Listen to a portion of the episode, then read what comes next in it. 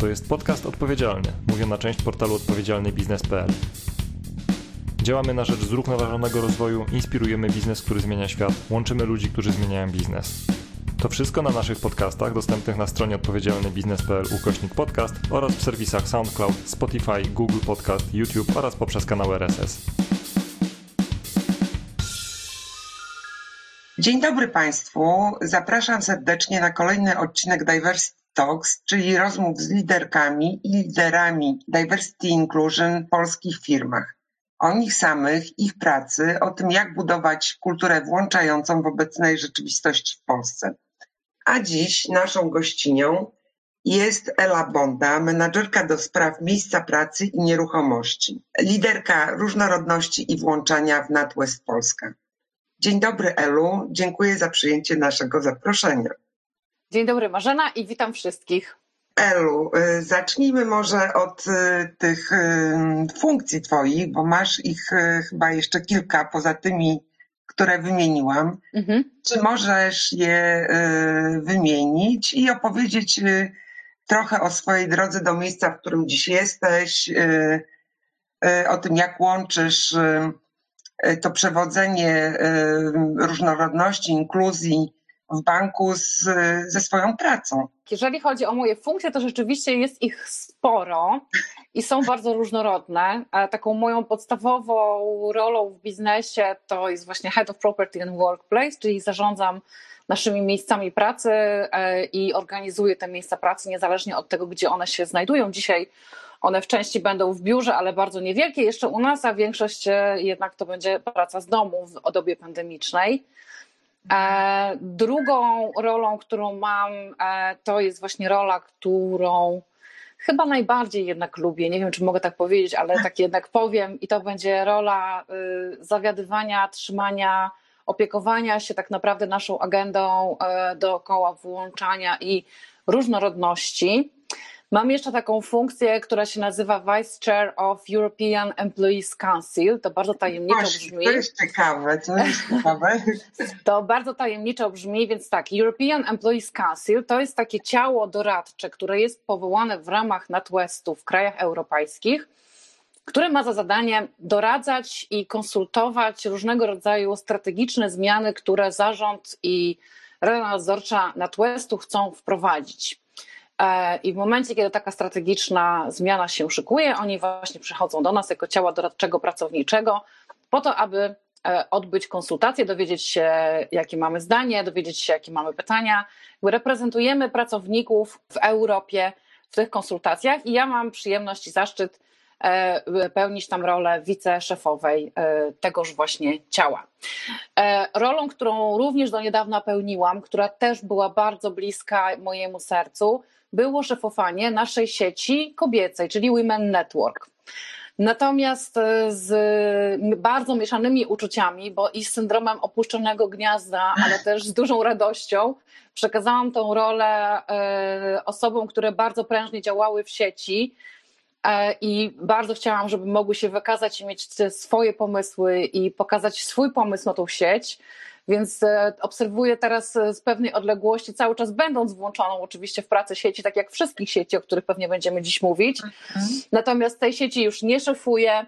E, właśnie patrząc, jak to moje pierwsze dziecko, nasze dookoła diversity inclusion, będące stworzonym, sobie świetnie radzi beze mnie, więc jest właśnie i ten syndrom opuszczonego gwiazda, ale też dużo bardzo radości. no tyle... tak, ale ty też się chyba y, angażujesz w różne sieci kobiece poza y, tak. ściśle, no właśnie. Tak, tak. Ja się angażuję w różnego rodzaju działania y, związane z włączaniem i różnorodnością. Wydaje mi się, że najwięcej tego cały czas jeszcze jest y, związanego z y, rozwojem kobiet to jest temat, który jest mi bardzo bliski naturalnie, no bo kobietą też jestem, więc wydaje mi się, że mogę mieć też prawo rozumieć różnego rodzaju wyzwania, które stoją przed kobietami, które stoją przed dziewczynkami, które po prostu, no, gdzie trzeba pomóc, żeby e, te różnice, które są między kobietami a resztą świata, e, czy te zasypywać. I też to prawda też jest taka, że tych inicjatyw na naszym polskim rynku jest najwięcej, więc też najłatwiej jest im pomagać. Takie jest dzisiaj jeszcze moje wrażenie. Mówiłaś o tym, że działasz w tym organie, który jest strukturą, która wspiera, że tak powiem, partycypacyjny model zarządzania w banku w ogóle. Mhm. Ale ja też, no pamiętając też, jak podpisywaliście kartę i o takim spotkaniu z kartą różnorodności, które było u Was w banku, pamiętam, że miałam takie wrażenie wówczas już, jeszcze nie znając tak dobrze ani tego, co robicie, ani tej Twojej aktywności, że to budowanie włączającej kultury, kultury takiej przynależności, otwartości na różnorodność w Natłeście ma bardzo taki mocny ten rys oddolny. Czy to jest jakaś wskazówka na przykład dla innych organizacji? Dziękuję za to pytanie. Wydaje mi się, że ono jest bardzo trafne, e, biorąc pod uwagę to, jak rozmawiam z różnymi innymi osobami, którym też tematy włączania i różnorodności w biznesie są bliskie.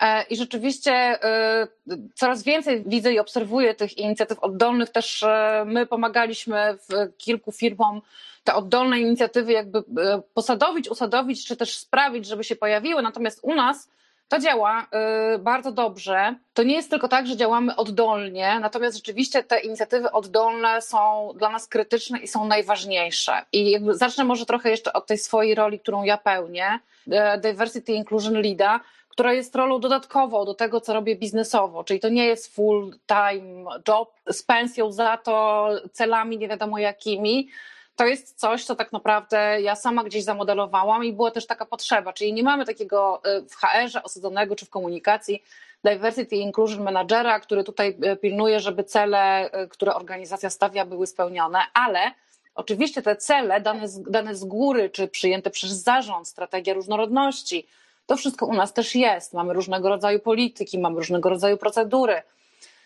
więc cała ta taka otoczka, cały szkielet, e, który korporacyjnie jest e, utworzony zazwyczaj, u nas też funkcjonuje. Natomiast to, co wydaje mi się być najbardziej wartościowym u nas i to, co sprawia też nam dużo bardzo radości, daje dużo satysfakcji, to możliwość kształtowania tego, w jaki sposób będziemy tę strategię realizować, właśnie oddolnie. Przez zaangażowanie pracownic, pracowników, prawda? Tak, tak, absolutnie. Wydaje mi się, że to jest. E, u nas to jest bardzo prawdziwe, bardzo takie e, down to earth, czyli takie bardzo blisko w ogóle tego, co, co się powinno robić, bo e, też my rozpoznajemy, że działania, które, mm, które sieci swoją bytnością, swoim istnieniem realizują, niezależnie od tego, która soczewek diversity inclusion jest przedstawiana, to one się dzielą w bardzo podobny sposób. Jest wiele działań, które robimy na rzecz naszych pracowników, ale też jest bardzo duży koszyk działań takich, które my jako firma, jako organizacja, ale jako pracownicy tej firmy również realizujemy na zewnątrz i dajemy od siebie na zewnątrz, bo też rozpoznajemy, że my pracując w dużej międzynarodowej firmie, mając bezpieczną pracę, mając bezpieczną płacę, e, pracując dzisiaj w pandemii e, bezpiecznie również w domu, jesteśmy jakby nie było w uprzywilejowanej pozycji, więc nasza społeczna tak. odpowiedzialność jako pracowników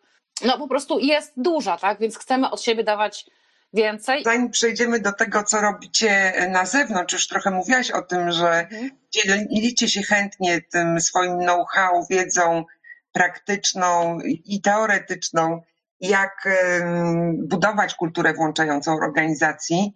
Chciałabym się właśnie spytać, y, o to, jak te sieci u mhm. Was e, powstają, jakich jest dużo, bo wiem, że no jest całkiem sporo i jak, jak one działają. To już opowiadam i to będzie dosyć długa opowieść, ponieważ sieci jest wiele, jest ich dziewięć. Natomiast e, historycznie jeszcze może tego sięgnę kilka lat wstecz. To jest proces, który trwał u nas dobrych kilka lat. Pierwszą siecią, którą założyłam u nas była sieć właśnie Women Network. To było dobrych 5-6 lat temu, jeżeli dobrze pamiętam. I to był początek tak naprawdę właśnie takiego oddolnego grupowania się y, i, i pracowania wspólnie, oddolnie na rzecz jakiejś idei, jakby nie było. Więc i po kolei dochodziły do nas różnego rodzaju inne sieci pracownicze i dzisiaj mamy ich właśnie dziewięć. Więc y, opowiadając, jakie te sieci są. Pierwsza z nich właśnie to jest ta Women Network, czyli sieć, której bliskie są tematy równowagi płciowej, czyli wyrównywania szans kobiet w różnych miejscach, tam gdzie mamy poparte to badaniami, że te szanse są mniejsze. Czy to będzie właśnie wyjście na zewnątrz i uczenie dziewczyn różnych rzeczy matematyczno-ekonomiczno-naukowych, czy to będzie wreszcie wsparcie dla studentek kierunków technologicznych, czy to wreszcie będą takie działania, które mamy wewnętrznie na rzecz dziewczyn, które pracują u nas, czyli czy to będzie program e, pozwalający na e, utrzymanie kontaktu z osobami, które są na urlopach macierzyńskich, które wiadomo, że na moment wyłączają się z pracy i warto i też potrzebne jest to, żeby trzymać kontakt, więc jest taki program, który sieć Women Network organizuje, nazywa się Keep in Touch i od początku, czyli od momentu, kiedy wiadomo, że ta przerwa będzie, później przez czas trwania tego urlopu rodzicielskiego i później powrotu y, jest program, który właśnie stara się przybliżać i wyrównywać te szanse i pozwolić włączyć się z powrotem dziewczynom do pracy w taki bardzo bezpieczny i przyjazny sposób. Różnego rodzaju programy rozwojowe, które mamy wewnętrznie, również na w zasadzie każdym szczeblu organizacji. E, I uczymy też nasze e, dziewczyny no, najróżniejszych rzeczy, od tematów leadershipowych, przez wystąpienia publiczne, budowanie pewności siebie. E, I tak naprawdę te wszystkie działania oddolne w tej masie, bo ich jest naprawdę bardzo, bardzo dużo, pozwoliły nam dzisiaj być w takim miejscu, że w zasadzie ten przekrój płciowy w organizacji naszej, na tych szczeblach, które zazwyczaj e, no, nie domagają, jeżeli chodzi o równowagę, no to jest około 50% do 50%. I to nie jest tak, że mieliśmy to zawsze, tylko jakbyśmy się właśnie cofnęli do tego momentu kilka lat wstecz, to było widać, że ta równowaga nie była na rzecz kobiet. Więcej było chłopaków i więcej było mężczyzn w rolach menedżerskich i w rolach zarządczych. To, co jeszcze warto też wspomnieć, jeżeli chodzi o Women Network, ona nazywa się Women Network, ale jest dla wszystkich. Mamy również w jej ramach taką grupę wyodrębnioną, którą, która się nazywa Male Allies i to jest mm. grupa mężczyzn, chłopaków, którym, którym też te tematy wyrównywania szans e, pod kątem płci są bliskie. Mamy też różnego rodzaju projekty i programy, które e, adresują e, nierównowagę w biznesie, tam gdzie jest więcej kobiet, a mniej mężczyzn. Wiemy, że zazwyczaj właśnie to będą obszary czy HR-owe, czy marketingowe, czy PR-owe w różnych firmach, gdzie jednak częściej kobiety występują i jest ich tych kobiet więcej niż mężczyzn, a y, no, y, my wieszczymy i mówimy i wierzymy bardzo mocno, że ta równowaga wszędzie jest potrzebna. Więc mhm. też staramy się mieć takie inicjatywy, które przybliżają tą równowagę na każdym etapie. Żeby tak lekko podsumować to, co powiedziałaś, no to mhm. można powiedzieć, że jest tak, że te działania w ramach sieci to są działania wewnątrz organizacji, ale też w ramach tych grup na rzecz których działają sieci mhm. na zewnątrz. I też ważna rzecz, że nie tylko te sieci skupiają osoby, których bezpośrednio dotyczy jakaś kwestia, ale także sojuszników, tak? Tak, sojuszników. I sojusznicy będą nam się pojawiali też w różnych innych sieciach. I za chwilkę też o nich będziemy mówić. Druga sieć, o której chciałam Wam dzisiaj powiedzieć, to jest sieć, która się nazywa Enable. E, Enable jako zaprzeczenie disable, i to jest sieć, która adresuje różnego rodzaju sprawy związane z e, niepełnosprawnościami. E, I te niepełnosprawności, e, które sieć rozpoznaje i na rzecz których działa, na rzecz tego, żeby żyło nam się lepiej, pracowało lepiej, czy to będą pracownicy, jeżeli chodzi o pracę, czy to będzie właśnie społeczność, która nas otacza. Mówimy tutaj o niepełnosprawnościach fizycznych, czyli bardzo często związanych z e, ograniczoną mobilnością, z wymaganiami dotyczącymi poruszania się, ale będą też tam tematy adresowane związane z mental health, czyli ze zdrowiem psychicznym, co dzisiaj jest szczególnie ważne, ale tak naprawdę dla nas e, jest takim tematem ważnym i rozpoznanym już od kilku lat i e, w naszej organizacji dosyć dobrze osadzonym i takim powiedziałabym śmiało adresowanym jeżeli chodzi też o pomoc pracownikom. I temat, który w tym roku bardzo mocno sieć adresuje, to jest temat związany z neurodiversity.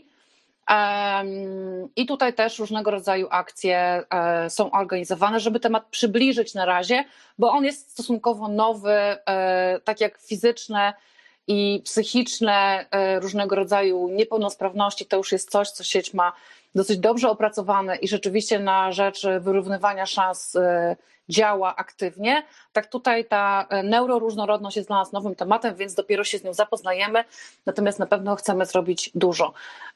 Jeżeli chodzi o działania te wewnętrzne, to działania właśnie na rzecz pracowników, Czyli czy to będą rzeczy związane z tym, żeby dbać o swoje zdrowie fizyczne, czy zdrowie psychiczne, czy to będzie wreszcie promowanie Employee Assistance programu, który mamy wewnętrznie dla wszystkich pracowników i dla ich bliskich.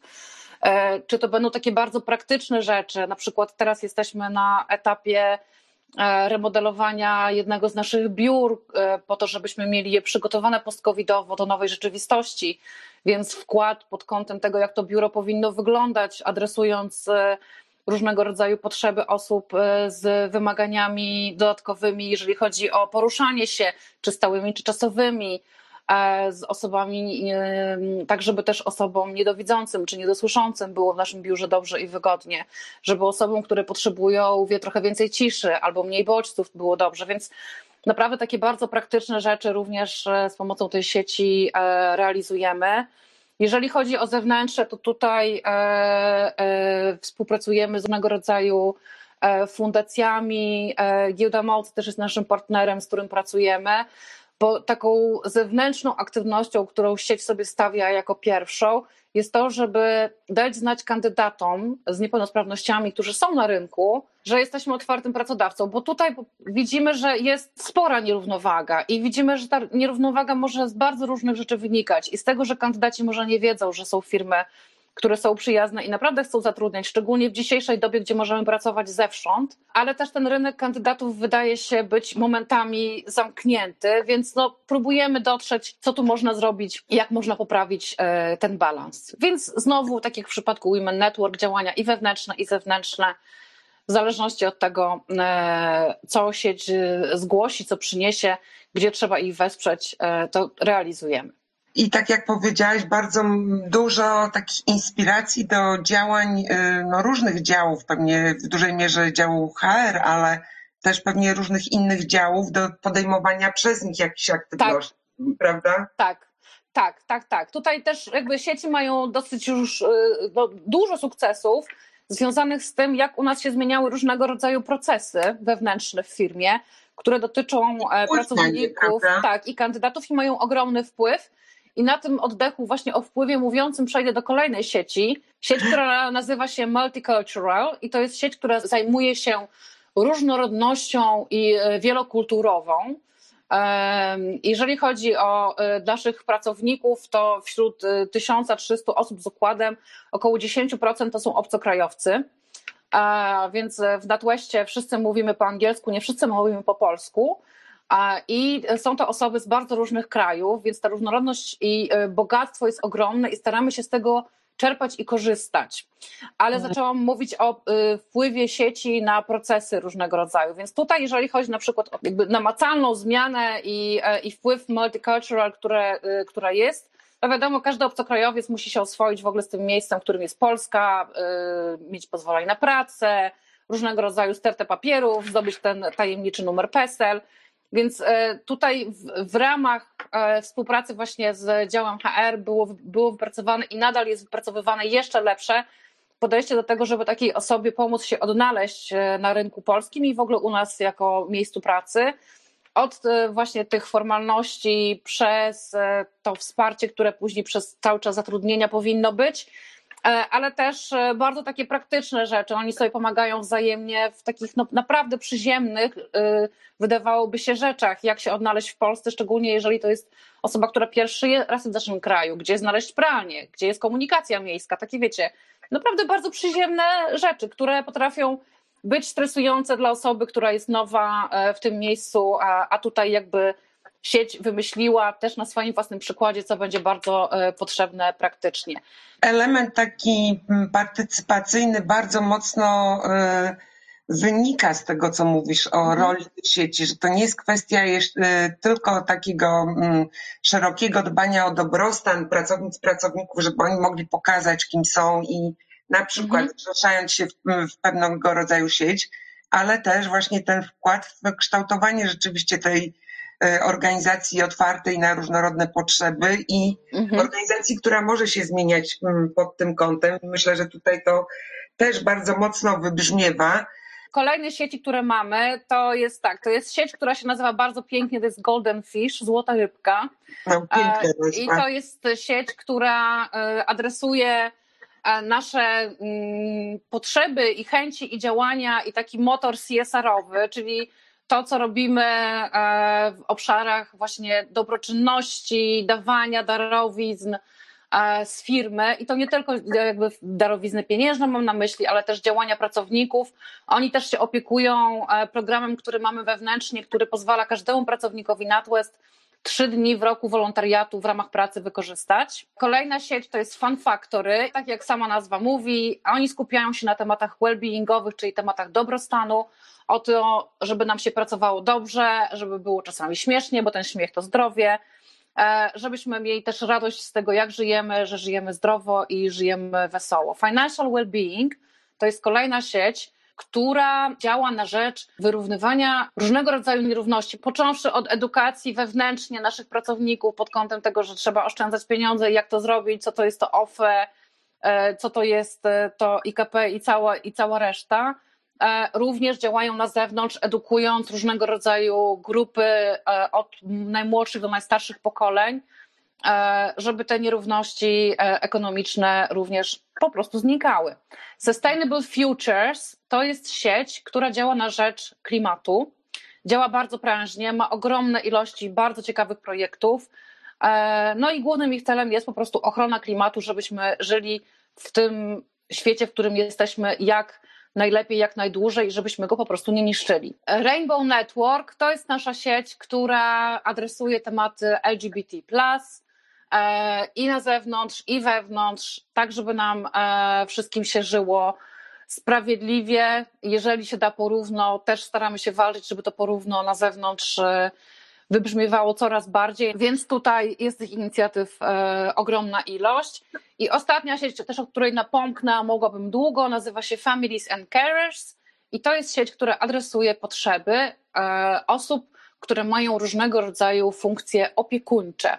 Czy to będą rodziny z dziećmi, ale też czy to będą osoby, które mają pod opieką dorosłych, którzy potrzebują pomocy. Tutaj tych inicjatyw jest ogromna ilość, począwszy od wspierania na zewnątrz i domów dziecka i fundacji, do tego, żeby organizować e, właśnie procesy, które mają wpływ na naszych pracowników, którzy się opiekują czy osobami dorosłymi, czy dziećmi, e, żeby ich praca była lepsza, wydajna, spokojna i komfortowa. I tutaj tylko wspomnę właśnie o ostatnim takim e, realnym, namacalnym wpływie Families and Carers i ich pracy, która trwała bardzo długo, ale zakończyła się gigantycznym sukcesem. Od, e, ogłosiliśmy w zeszłym tygodniu, że będziemy dofinansowywali procedury in vitro naszym pracownikom, którzy tego będą potrzebowali.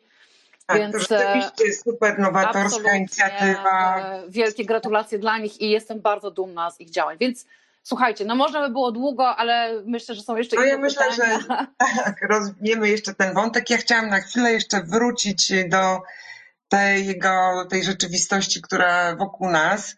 Mhm. W jednym z ostatnich swoich e, wywiadów, rozmów powiedziałaś, e, że ten świat pandemiczny to taki świat WK na sterydach. Mhm. Więc mam takie pytanie, e, czego musieliśmy się nauczyć, czego mhm. oduczyć, no bo no wiadomo, że ten temat pracy zdalnej, no to w waszym przypadku no nie był jakąś tam specjalną nowością, więc myślę, że tutaj to bez problemu przeszliście na tą wymuszoną, całkowitą momentami pracę zdalną. Mhm. E, I jak oceniasz, co, co z nami zostanie na dłużej? Jak to mhm. wpłynęło na twój model przywództwa, który teraz myślę się też wyłania taki specyficzny, trochę jednak inny. Tak, to tutaj e, tylko rozwijając WUKA, jeżeli e, ktoś mhm. z naszych słuchaczy e, nie wie, co to WUKA znaczy to, i czy takie słowo rzeczywiście istnieje, to jest zlepek, skrótowiec Volatility, Uncertainty, Complexity and Ambiguity. Czyli tak naprawdę myślę, że po polsku to jest tak, nie wiem, nie wiem, nie wiem, nie wiem. Tak, albo płynna e... po nowoczesność. Jak Dokładnie. E, no tak, no znaczy ja dalej uważam, że ten czas pandemiczny to jest ta włóka na sterydach. To nie jest mojego autorstwa, to jest McKinsey'a autorstwa. E, I tak jak zawsze jakby ten czas, ostatnie lata, y, czy w biznesie, czy nie w biznesie, mamy bardzo dużo niepewności, dużo pytań, mało odpowiedzi. Świat się bardzo szybko zmienia, ta dynamika jest ogromna. Tak, ten czas pandemiczny, no to właśnie te sterydy i wszystko przyspieszyło. Jest y, wiele spraw, które y, na pewno były trudne i nadal bywają trudne i e, są w dużej dozie niepewności. Natomiast ja też patrzę na ten, na ten czas pandemiczny jako czas możliwości, bo bardzo wiele komponentów, szczególnie w świecie technologicznym, w świecie rozwoju nowych rozwiązań, czy do pracy, czy do komunikowania się, to przyspieszyło. Okazywało się, że coś, czego nie można było zrobić przez lata, nagle okazuje się, że w ciągu dwóch miesięcy można zrobić. Jeżeli chodzi o naszą organizację, to tak, myśmy pracowali wcześniej już e, w sposób zdalny. Tutaj akurat też mam dużą swobodę w mówieniu o tym, bo ja wdrażałam rozwiązania dotyczące elastycznej pracy już wiele lat temu u nas. E, więc e, standardem, który mieliśmy przed pandemią, było to, że większość z nas pracowała dwa dni z domu, a trzy dni z biura.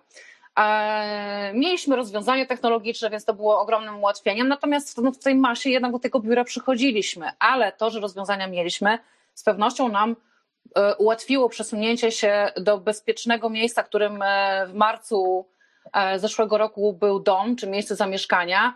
I to przesunięcie tego 1300 osób e, zajęło nam niecałe dwa dni, tak naprawdę, żebyśmy przestali przychodzić do biura i efektywnie e, zaczęli pracować z innych miejsc, więc to nie było ogromnym wyzwaniem.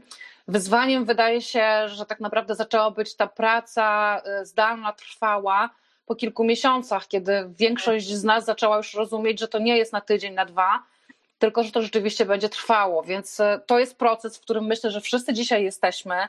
Wszyscy się uczymy i zarządzania zdalnego zespołami, i współpracy w tych zespołach, i e, komunikowania się ze sobą. Zoom fatigue, myślę, że już każdy zna ten termin. Angażowanie pracowników w sposób zdalny też wygląda zupełnie inaczej. Bycie ze sobą wygląda inaczej. Realizowanie swoich zadań i później monitorowanie tego, to wszystko wygląda inaczej więc wydaje mi się, że y, to, co, to, co jest jakby, no, nie wiem czy nowe do końca, ale na pewno czymś, co się rozwija i czymś się będzie musiało rozwijać, to jest właśnie ta otwartość na zmianę. I wydaje mi się, że to, co trzeba e, robić i przepracować każdy w swojej głowie, w swoim sercu i ze swoimi zespołami, ze swoimi bliskimi współpracownikami, to to, że musimy spróbować w tej zmianie się odnaleźć. Każdy z ludzi, każdy człowiek ma bardzo podobną odpowiedź na każdą zmianę, tak? W mniejszym czy większym stopniu jest i ta faza zaprzeczenia, i faza pogodzenia się, i kontestacji tego. Więc to, to po prostu jest coś, z czym będziemy żyli i wydaje się, że to jest e, takie coś, co jest zmianą, ale najbardziej trwale z nami zostanie. Jeżeli chodzi o leadership, o który pytałaś, to ja obserwuję, e, może na mniejszą skalę u nas, ponieważ u nas naprawdę myśmy mieli dosyć dużo ułatwień, bo ta kultura taka właśnie włączająca, otwarta, bezpośrednia była już, była już zastana. My to mieliśmy, więc teraz to tylko wzmacniamy siebie. przez wiele lat, prawda? Tak, więc to znowu to jest proces, który trwa już wiele, wiele lat. Nie jest dla nas procesem, który zaczął się w marcu zeszłego roku, więc tylko to ugruntowujemy i wspieramy też, staramy się wspierać tych liderów, na których barkach w tej chwili jest dużo też więcej rzeczy niż bywało wcześniej. Ale to, że... No właśnie, bo to jest też tak, że bardzo dużo mówi się o wspieraniu pracownic, pracowników, a bardzo mało o tej samotności liderów, która mhm. myślę, że teraz jest też ogromnym wyzwaniem y, i no jest, ma taką skrajną formę, tak? No bo mhm. każdy z nich przecież jest też człowiekiem, tak? Y, który ma swoje wyzwania, podobne jak jego pracownicy, pracownice. A oprócz tego no musi dalej stać na czele tych organizacji, zespołów, być Dokładnie. Absolutnie tak. Więc to, co ja obserwuję u nas, ale też słyszę od innych e, koleżanek i kolegów w innych miejscach, to, co się coraz szerzej dzieje, to y, to, że lider potrzebuje coraz więcej czasu na to, żeby po pierwsze zająć się zespołem w taki bardzo właśnie humanistyczny, y, ludzki sposób, mniej może z tych zadań rozliczać i mniej biznesowych E, elementów takich sensu stricte biznesowych mieć, ale więcej tego takiego e, people managementu właśnie leadershipowego, mhm. czyli po prostu bycia blisko ludzi.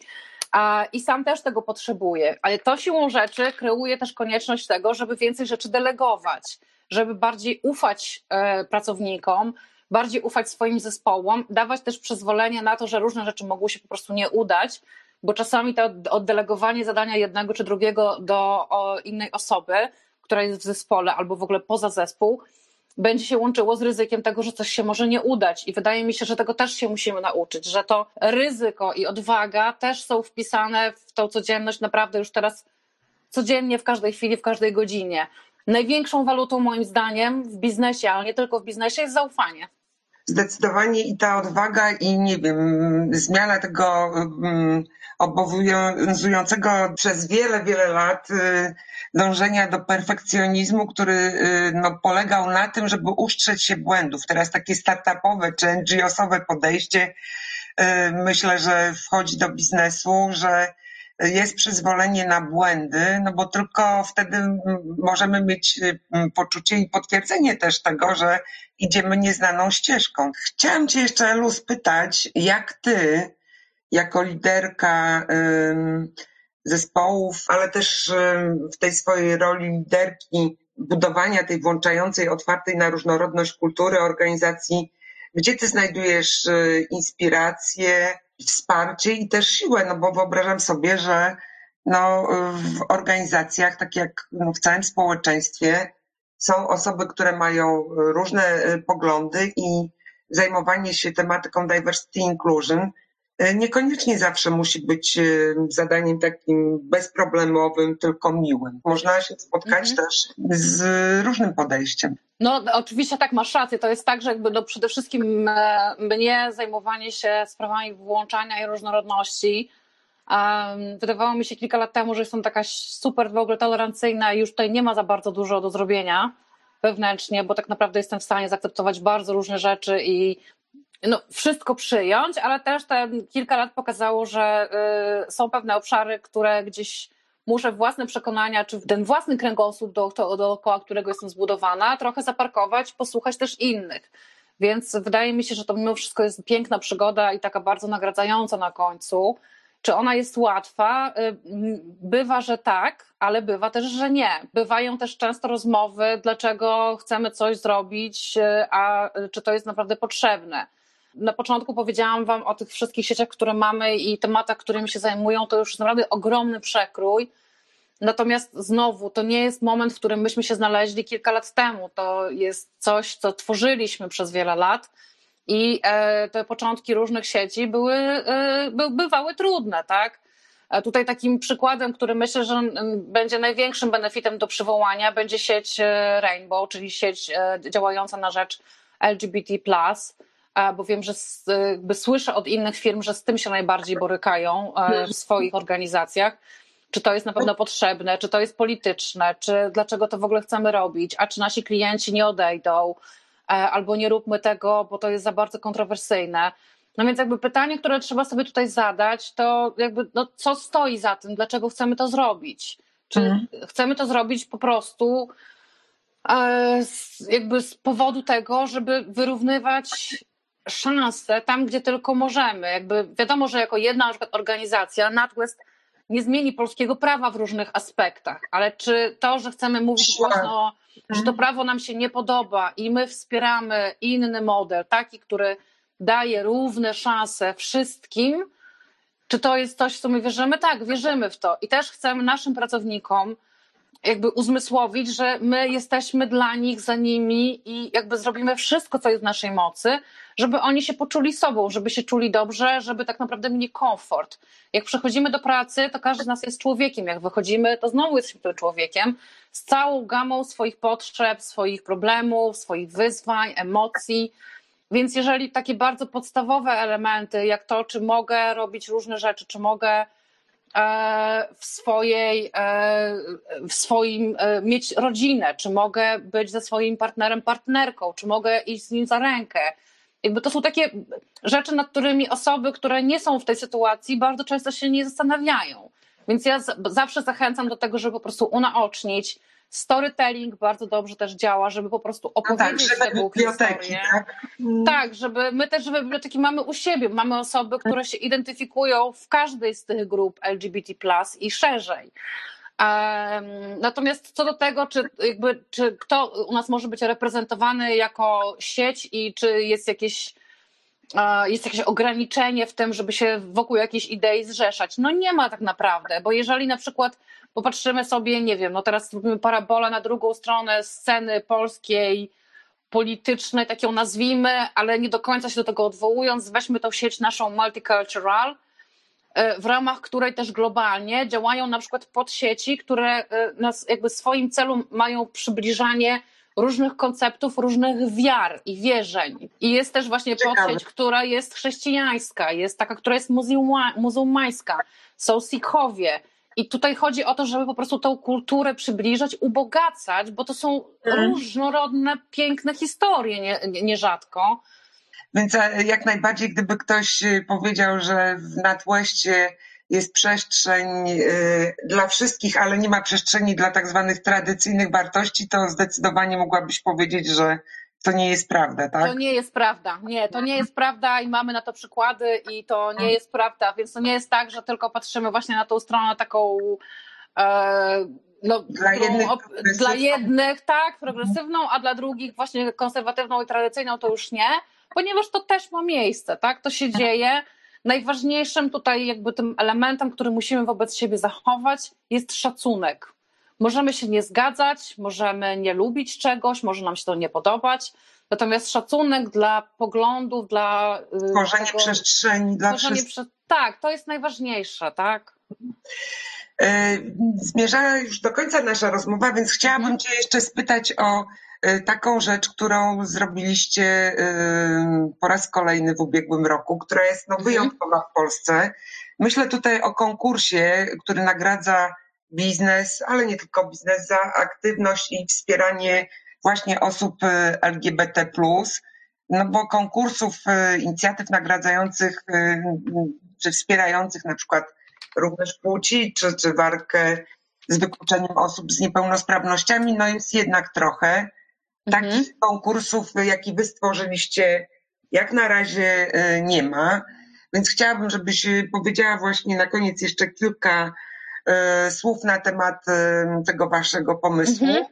bo dla nas też, jak obserwujemy aktywności wewnętrzne, zewnętrzne różnych organizacji, które są otwarte na diversity inclusion, no to, to ten wasz konkurs jest takim przykładem takiego aktywizmu korporacji. Jeżeli chodzi o, tę inicjatywę, o której mówisz, którą o, już od kilku lat organizujemy, rzeczywiście wydaje się, że byliśmy i nadal jesteśmy y, pierwszą organizacją, która w tak deklaratywny sposób y, tutaj po prostu nawiązała, zawiązała inicjatywę. No, ona się nazywa LGBT Plus Diamonds Awards i e, sponsorujemy ją od e, kilku lat. Jest to inicjatywa, która ma na celu, e, no bo mówimy o tym, że różnego rodzaju problemy, wyzwania są w sferze wokół społeczności LGBT.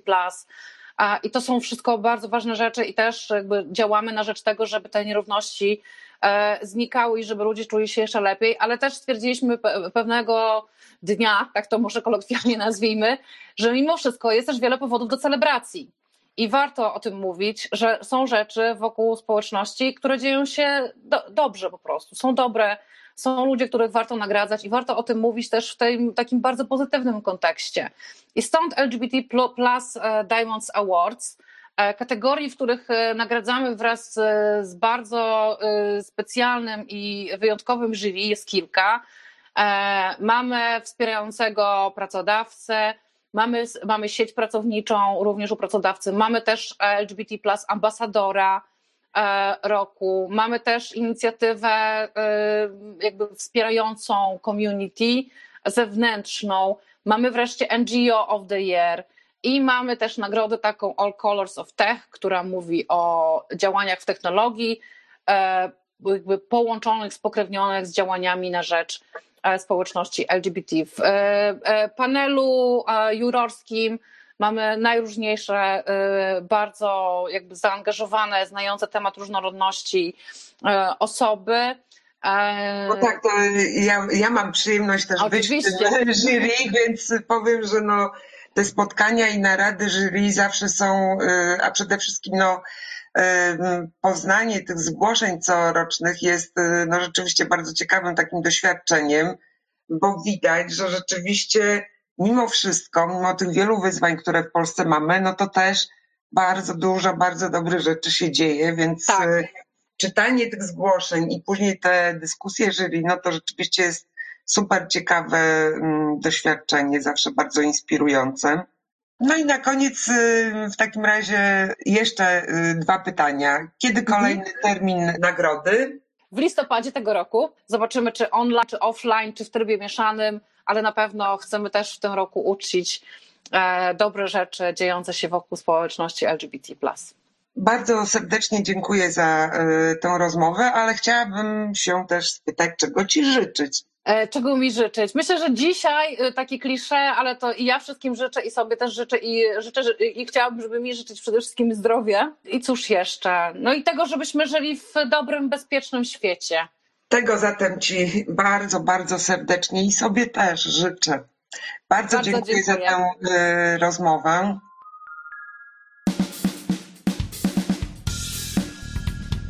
To jest podcast odpowiedzialny, mówiona część portalu odpowiedzialnybiznes.pl.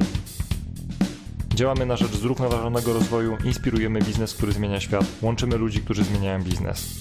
To wszystko na naszych podcastach dostępnych na stronie odpowiedzialnybiznes.pl ukośnik podcast oraz w serwisach SoundCloud, Spotify, Google Podcast, YouTube oraz poprzez kanał RSS.